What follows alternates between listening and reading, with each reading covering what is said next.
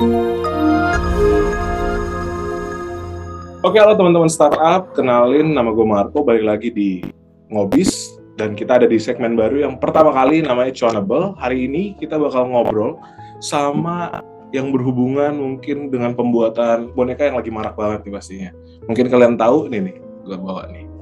Oke, kita langsung ngobrol aja nih sama yang bikin nih.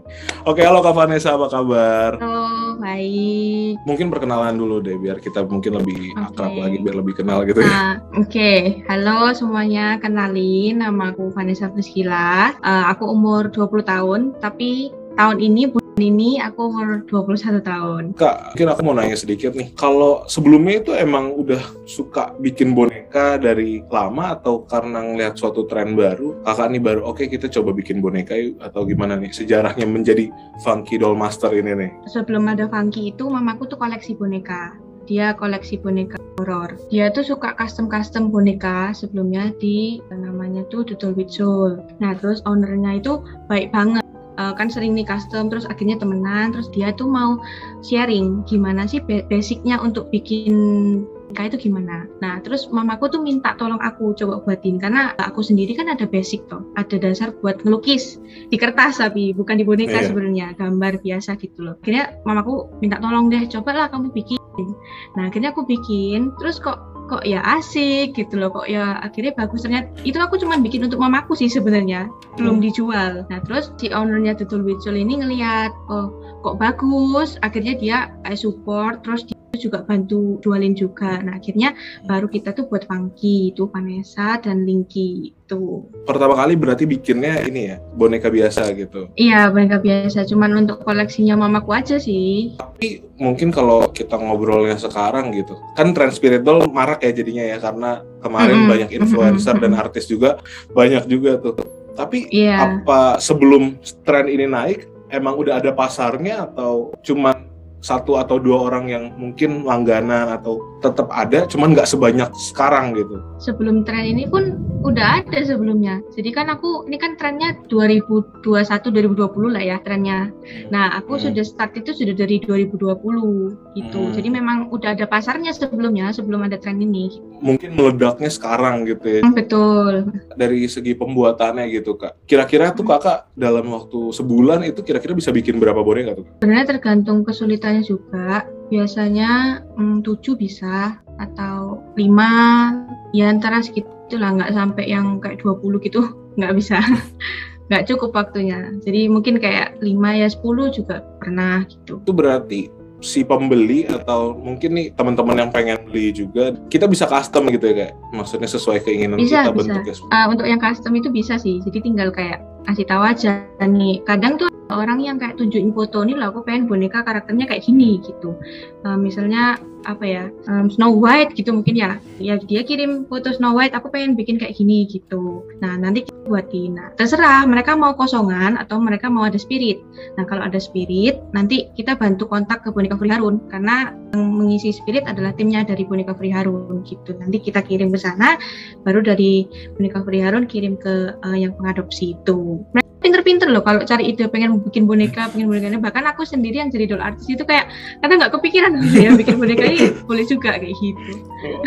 Ad, ada yang pernah mau mintanya jadi bukan kayak boneka biasa nggak sih? Mungkin yang dijual di Funky Doll Master ini kan boneka biasa gitu. Ada yang mungkin kayak maunya hewan atau gimana ada? Berarti ada yang kepikiran gitu? Uh, belum sih, cuman ada yang ada yang sempat mikir uh, minta kepalanya itu ada dua gitu. Oh. ada dua baca itu kan oh. maksudnya kan itu nggak bisa. Jadi aku bilang uh, kalau mau ya boneka ya couple gitu. Nggak bisa kalau oh, tapi kalau untuk harganya gitu kak misalnya rentang harga dari pembuatan ini boneka kosong yang kakak bikin ini uh, berapa yeah. tuh kak kalau boleh tahu rentang harganya mungkin kan semakin tertarik nih orang-orang buat beli spirit doll itu kan kalau kosongnya sendiri dari dua setengah sampai lima gitu. Kalau yang dua setengah itu mungkin kecil. Kalau yang lima itu uh, udah tingkat kesulitannya udah tinggi, mungkin bonekanya juga agak besar. Gitu. Kalau yang segini berapa nih kak? Kira-kira? Itu bisa tiga setengah. Tiga setengah. Empat juga bisa. Empat bisa. Itu udah oh. baju udah rambut, wajah. Biasa kan masih nakal yang ini belum bisa dikontrol. Oke okay, kan tadi kakak sempat ngomong tentang Furi Harun, uh, boneka Furi Harun itu memang dari awal pembuatan Funky Doll Master mungkin berdirinya Funky Doll Master emang sudah kolaborasi atau baru-baru ini aja nih dapat ajakan untuk gimana kita jual spirit doll gitu? Kalau dari awal sih karena ada partner yang tadi aku sempat sebutin itu Tutul Wicul. Nah itu kan mereka sudah start duluan dan mereka udah ada kenal sama uh, boneka Furi Harun. Nah akhirnya Funky ini anggapannya kayak di dibantu gitu dibantu support nah akhirnya juga akhirnya bisa masuk ke boneka Furi Harun gitu hmm, berarti boneka Furi Harun Memang, ini uh, mau mewadahi buat teman-teman yang bikin boneka gitu ya ya oh. uh, benar kakak sendiri itu sekarang pembuat boneka spirit doll terutama ya kan mungkin tren banyak apa apakah semakin banyak nih pesaing atau banyak banget yang muncul oh kita juga bisa bikin boneka oh ternyata ada yang bikin boneka di sini bikin boneka di sana. Pasti ada. Memang ini kan boneka kan sesuatu hal yang unik tapi pasti ada tetap yang buat. Misal nih kayak uh, biasanya mereka cuma jual boneka basic nah terus akhirnya mereka belajar untuk make up itu ada gitu. Jadi semakin ke sini mereka juga semakin bikin gitu di make up gitu loh. Oh berarti ini make upnya kalau aku tangkap apakah nanti make upnya itu mungkin bisa nanti misalnya nih aku beli di kakak Funky Doll Master nih, terus ternyata make upnya puder, aku bisa datang ke kakak lagi buat touch up gitu lagi ya berarti ya, oh, retouch iya. retouch gitu. Ya boleh, uh, mm -mm, di retouch bisa. Kalau dari kakak sendiri gitu, ada nggak sih pengalaman yang mungkin seram atau enggak unik aja gitu tiba-tiba kok mungkin kenapa gitu kalau waktu pembuatan jujur nggak ada tapi ini sih Miss repaint gitu minta di make up ulang di boneka yang ada spiritnya nah jadi boneka itu sampai itu malam orang tuanya ke sini ngasih bonekanya oke okay. kemudian malam-malam itu tiba-tiba TV di kamar itu nyala sendiri hmm. nah itu posisi ada mamaku ada ada adikku juga nah adikku itu memang deket sih sama remote-nya tapi remote TV-nya itu ketutupan sama selimut gitu loh jadi hmm. kalau misalnya dipencet-pencet pun kayak nggak bisa nyala gitu loh. Mamaku hmm. juga sudah coba dalam posisi remote yang masih di situ itu nggak bisa dipencet dan aku juga ngelihat adikku cuman main HP gitu di kasur nggak nggak ada megang remote gitu loh. Itu udah merasa kayak eh kok tiba-tiba nyala sendiri. Nah itu hmm. malam setelah bonekanya itu datang. Terus kemudian ada lagi. Waduh banyak juga uh, ya. Udah tidur semua nih. udah tidur semua nih. Ini masih cerita yang sama ya. Ini udah yeah. tidur semua. Terus tiba-tiba HP-nya adikku itu ada YouTube Kids kan. Nah yeah. adikku tapi nggak pernah lihat YouTube di situ di HP situ tuh nggak pernah gitu. Terus tiba-tiba itu nyala gitu. Langsung kebuka YouTube Kids. Nah kayak aku bertanya-tanya kenapa kok harus YouTube Kids gitu loh. Mungkin arwahnya kan ya masih anak kecil gitu ya. Hmm. Mereka tertarik sama YouTube Kids. Mungkin aku aku berpikirannya kayak gitu. Udah itu udah lewat. Akhirnya mamaku kontak nih ke mamanya ini dia bilang mamaku bilang gini ah, apa ke, eh kemarin ngajak main loh gitu. Sebutin namanya gitu terus ini ngajak main loh gitu. Terus cerita cerita iya dia nyalain TV terus little YouTube Kids apa gitu. Terus tiba-tiba orang tuanya tuh cerita gini sebenarnya aku tuh ada kecelakaan di tol. Terus mamaku kayak Hah, kecelakaan serius? Jadi kayak apa beneran? Gitu. Terus iya beneran dia fotoin semuanya kejadiannya. Jadi kesimpulannya adalah itu kejadiannya tuh kecelakaan sama nyalain TV itu tuh kayak jamnya tuh sama gitu loh. Jadi kayaknya tuh spiritnya itu kayak mau ngasih tahu gitu loh. Ngasih tahu ke aku sama mamaku kalau misalnya orang tuanya itu kecelakaan gitu loh. Kalau misalnya dia nggak ngapa-ngapain kan orang tuanya itu kan maksudnya kita kan nggak mungkin dong kontak orang tuanya. Dan orang tuanya juga nggak mungkin cerita ya aku kecelakaan gitu kan nggak. Dengan si dia gangguin itu ya kita cerita baru orang tuanya cerita. Itu kayak pengalaman yang bener-bener kayak bikin aku deg deg deg deg kayak ah serius? Kok bisa gini? Gitu. Itu sih kejadiannya kayak gitu. Kalau yang kosong sih nggak ada apa-apa. Aku baik-baik aja. Oh, aman ya soalnya boneka kosong. Aman aman. Oh ya kak mungkin ini pertanyaan mungkin terbersit di orang-orang yang baru tahu spirit doll gitu ya. Kenapa harus serem-serem sih kak? Mm-hmm. Kenapa harus bonekanya tuh yang kayak ada yang aku lihat di Instagramnya Funky Doll Master tuh ada pocong, ada ada kuntilanak, ada yang mirip Annabelle, Chucky. itu kenapa harus serem sih kak? Sebenarnya salah orang. Ada yang menganggap kalau creepy itu mereka keren, punya creepy itu keren. Kalau cantik kan udah biasa. Ada boneka hmm. basic pun yang cantik ya ya ada gitu loh. Jadi hmm. mereka tuh mungkin nyari yang creepy itu supaya kelihatan keren. Tapi ada juga kok funky, ada sempet bikin yang lucu, ada sempet bikin yang cantik, ada tuh. Ada yang aku lihat ada yang bikin ini yang kayak apa tentara-tentara gitu ya kayak. Ah ya, tentara itu kemerdekaan. Oh, kemerdekaan. oh itu spesial atau emang Jadi ada memang ses- menyesuaikan. Ini spesial, heeh. Event Hmm. tertentu. kalau dari kakaknya sendiri nih dari kan mungkin bisa dibilang sekarang orang tuh carinya ke Funky Doll Master lah ya gitu. Maksudnya udah namanya ada tentang spesialisasi apa doll artis ini. Ada nggak sih pendapat dari orang-orang terdekat kakak tuh kayak ih ternyata lu bikin ini ya boneka-boneka serem gitu. Ada nggak sih mungkin tanggapan-tanggapan yang mungkin lumayan aneh gitu maksudnya kayak dengan apa yang kakak kerjakan sekarang? Udah dari awal kayak gitu. Sebenarnya agak struggling juga sama uh, perkataan-perkataan mereka. Kayak kalau dari teman-temanku sendiri tuh mereka udah tahu kalau aku nonton film horor tuh aku pasti takut banget. Sebelum aku bikin boneka ya itu aku sudah pasti Iya. kayak gini gampang kagetan gitu ya. Itu mereka teman-temanku sudah tahu gitu loh. Nah terus mereka tuh juga sempet kaget gitu. Loh hah kamu kok jadi bikin ini kok jadi bikin boneka-boneka serem-serem kayak gini? Ada juga dari teman-teman kayak ih serem ih creepy ih takut. Terus kayak ngomong apalah itu boneka setan? gitu-gitu. Terus kayak itu memang kelihatannya kayak bercanda gitu ya. Hmm. tapi ag- agak bikin aku down gitu loh kayak kok gini gitu. Tapi akhirnya semakin ke sini untungnya mereka itu ada yang ngasih support juga ngasih semangati keren ya bisa bikin kayak gini. Malah ada tuh temenku dia tahu Faki tapi dia nggak tahu Hmm. kalau itu aku yang buat gitu loh. Terus akhirnya dia pas tahu dia langsung dia langsung DM ini ternyata punya aku ya aku baru tahu keren loh. Bro itu kayak bikin aku semangat lagi gitu loh gitu Berarti awal-awal kakak pembuatan ini kan kakak takut film horor gitu. Apa kakak sambil tutup Mm-mm. mata gitu Mm. mikirnya? Siapa tahu. Loh. sambil untungnya ya untungnya waktu aku bikin itu kayak udah akhirnya udah kebiasaan gitu melihat yang horor mau nggak mau kan ya kadang tuh ada Harus. requestan yang serem banget gitu ya mau nggak mau ya harus dilihat gitu lama-lama akhirnya kebiasaan sendiri. Padahal sebelum sekarang kalau nonton film horor sudah jarang sih gitu sini. Paling ya kaget doang gitu. Tapi kalau lihat hantunya tuh udah nggak seberapa takut sih. Cuma ada ya kayak beberapa hantu yang aku agak takut. Tapi aku tetap bikin bonekanya mau nggak mau. Mungkin aku sedikit kepo gitu. Berarti kakak yang bikin buat Roy Kiyoshi gitu-gitu ya kayak. Eh, kalau punya Roy Kiyoshi itu ya ada yang punya aku, ada yang punya Sidul Witsul juga tuh. Itu aku lihat banyak banget ya. Ternyata udah mungkin bisa dibilang artis-artis atau influencer udah mulai menggunakan apa ya? Mungkin percaya sama Funky Doll Master juga ya. Aku lihat banyak juga Iya. tuh yang bikin. Nah, heeh, bener. mungkin ini kalau yang aku tanya juga sebenarnya manfaat spirit doll itu apa sih kak kayak maksudnya orang beli nih bukan jadi mainan tapi malah jadi mungkin jadi teman nah itu jadi anak ada yang dia kan kalau yang kita lihat dari ada yang Hmm. artis tuh yang dia Mhm. jadiin anak menurut yang Iya. kakak tahu tuh sebenarnya manfaat eh, ini apa sih boneka spirit doll ini apa sih Kalau aku sendiri kan bukan kolektor spirit doll ya.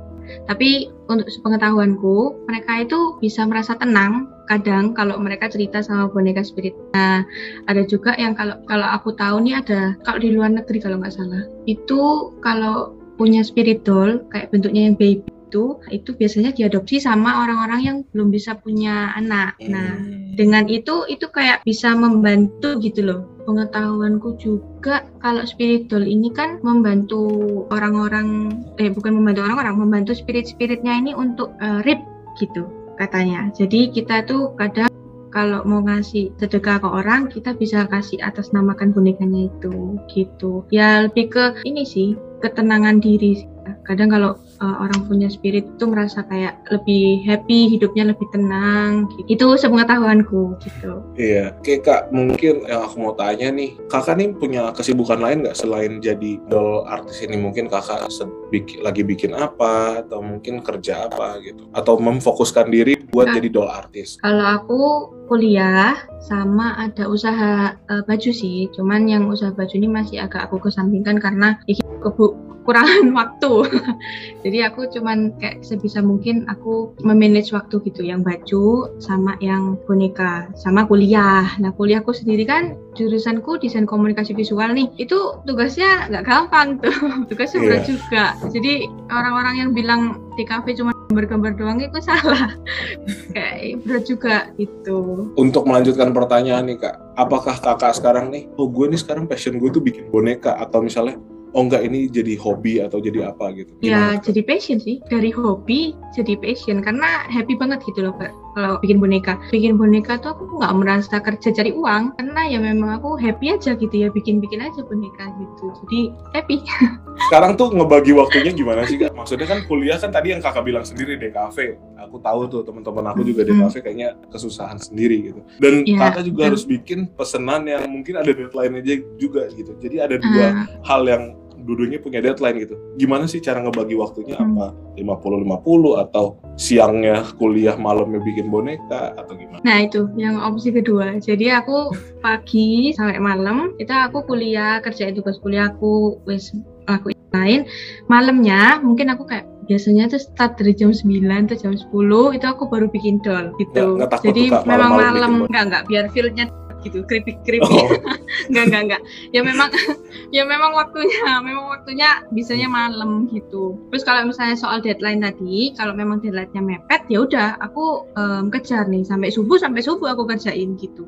Tapi ya capek capek cuman kebantu sama happy gitu. Masih kebantu jadi masih sampai subuh itu masih bisa bikin boneka. Itu tergantung deadline kalau misalnya deadline-nya masih agak lama ya dicicil.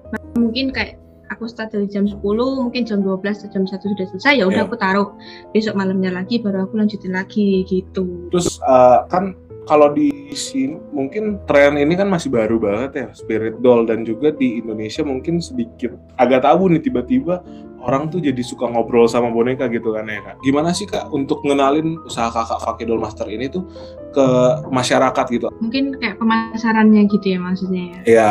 Kalau kalau dari Funky sendiri fokusnya lebih ke Instagram. Dari Instagram ya kita rajin-rajin aja bikin boneka, terus kita posting uh, rutin gitu. Terus kemudian bisa juga dari kolaborasi. Kadang kan ada kolaborasi Funky sama Tutul Wicol, boneka Free Harun. Nah itu kita sering-sering kolaborasi itu bisa nambah pemasaran juga. Orang bisa lebih kenal juga. Karena kan yang Tutul Wicol sama boneka Free Harun sudah start duluan nih gitu. Hmm. Terus kemudian bisa juga dari giveaway. Jadi misalnya boneka Free Harun ngadain giveaway dan boneka itu dari Funky Doll Master itu hmm. bisa. Karena giveaway kan menurut aku juga lumayan ya orang-orang itu uh, ikut giveaway ya gitu. Akhirnya mereka bisa tahu nih Funky ini apa. Sempet TikTok tapi hmm tetap akhirnya kembali ke fokus ke Instagram. Itu aja sih. Bisa bisa nggak sih kak? Kita request kita kita sendiri gitu foto kita sendiri buat dibikin jadi spirit doll jadi kayak punya uh, gitu. tapi lebih ke gini ya. Kalau basic doll kan kita nggak bisa ubah total nih mukanya. Cuman kita bisa ngambil dari karakternya. Misalnya kayak kakak ini kacamataan. Ya itu. Hmm. alisnya mungkin tebel. Mungkin hmm. itu yang bisa kita ambil kita tiru gitu mungkin oh. style rambutnya gimana bajunya yang sering dipakai nah gitu tapi kalau bentuk mukanya sampai kayak berubah persis kembar gitu uh, masih nggak bisa sih gitu. Kakak kan pernah ketemu customer yang mungkin dari face to face, ada juga kan mungkin dari by chat. Tapi yang kakak lihat nih customernya memang orang-orang yang kesepian kah? Atau cuman ah kayaknya seru nih tren, aku juga bikin deh gitu. Kayak maksudnya emang kebanyakan duit aja gitu. Apakah benar-benar merasa sepi gitu, kesepian butuh teman? Kalau yang aku lihat sejauh ini sih mereka baik-baik aja sih keluarga baik-baik aja. Datang ke sini juga pasangan terus yang uh, eh, DM juga ya ada keluarga baik-baik aja gitu ya. Mungkin memang dari hobinya mereka koleksi oh. terus mereka mungkin happy juga ada spirit gitu. Nggak nggak nemu sih yang kayak kesepian sampai sedih terus akhirnya pelarian ke boneka gitu nggak mereka baik-baik emang jatuhnya ke hobi aja mungkin hmm, hobinya unik iya. juga ya boneka boneka ada nyawanya hobi gambar sepedaan musik kayak gitu kan ini hobi ngumpulin boneka ada isian. Kalau kakak sendiri tertarik gak sih kak punya boneka yang ada isinya? Kalau aku pribadi masih belum tertarik sebenarnya. Aku lebih suka untuk membuat bonekanya aja. Itu mamaku juga suka melihat dari seni dari bonekanya itu gitu. Jadi belum ada minat untuk ngadopsi arwah. Oh ya kak, ini kan dari tadi konsepnya nih adopsi. Apakah nanti itu benar-benar ada surat keterangannya, kayak benar-benar kayak anak atau atau cuman oh iya saya mau adopsi, oh ya ini buat lu gitu kayak gitu. Apa benar-benar ada surat menyuratnya gitu? Tahu aku ada riwayat dari arwahnya itu sendiri. Mungkin kayak arwahnya meninggal tanggal berapa, terus meninggalnya karena apa, agamanya apa. Setahu aku ada yang ada agamanya. Jadi orang tua kasusnya juga membantu mereka untuk kayak mungkin kalau misalnya agamanya Kristen diajak beribadah baca Alkitab kalau Hindu ya itu di, diajak ke tempat ibadah gitu Oh berarti namanya KTB ya, kartu tanda boneka, ya kan? oh, dia jadi punya Iya, iya. eh, riwayatnya gitu ya kak ya. Mungkin kalau kakak tahu bisa bantu jawab. Itu apakah emang umurnya bayi semua atau bagaimana kak? Kayak boneka-boneka ya apa? Kisaran umur berapa bulan sampai berapa tahun atau oh ada yang umurnya 500 tahun di dalam boneka itu kayak gitu? macam-macam ada yang bayi ada yang anak-anak ada yang old kayak old spirit ya kalau sana bilangnya Hmm. jadi nenek-nenek gitu ada Oh, bapak-bapak ada ada ada ya. Berarti kalau yang nenek-nenek kalau dipanggil nggak nyaut soalnya udah pendengarannya udah kurang gitu ya, udah, udah budek gitu. Kalau bapak-bapak dibecandain langsung ketawa deh, receh kan biasanya bapak. jokes bapak dong itu Iya, ya kan jokes bapak-bapak coba dibecandain. Mungkin kalau balik ke bisnisnya, kira-kira harapan kakak nih mungkin di 2022 atau ke depannya di masa yang akan datang tuh Funky Doll Spirit bakal jadi apa sih? Misalnya kayak gimana? Nah, harapannya sih semoga Funky ini sampai ke luar negeri ya, bisa dikenal di kalangan luar negeri. Karena kalau dilihat juga di luar negeri ini memang banyak yang uh, minat peminat doll-doll gitu ya. Jadi ada harapan juga pengen bisa jual sampai ke luar negeri. Mungkin next bisa bikin channel YouTube mungkin, mungkin masih mungkin diperkirakan lagi. Em, ya udah sih kayak harapan-harapannya bisa jalan terus, bisa lanjut terus. Oke kak, eh, kita udah sampai di tadi pertanyaan terakhir, kita juga sampai di penghujung acara.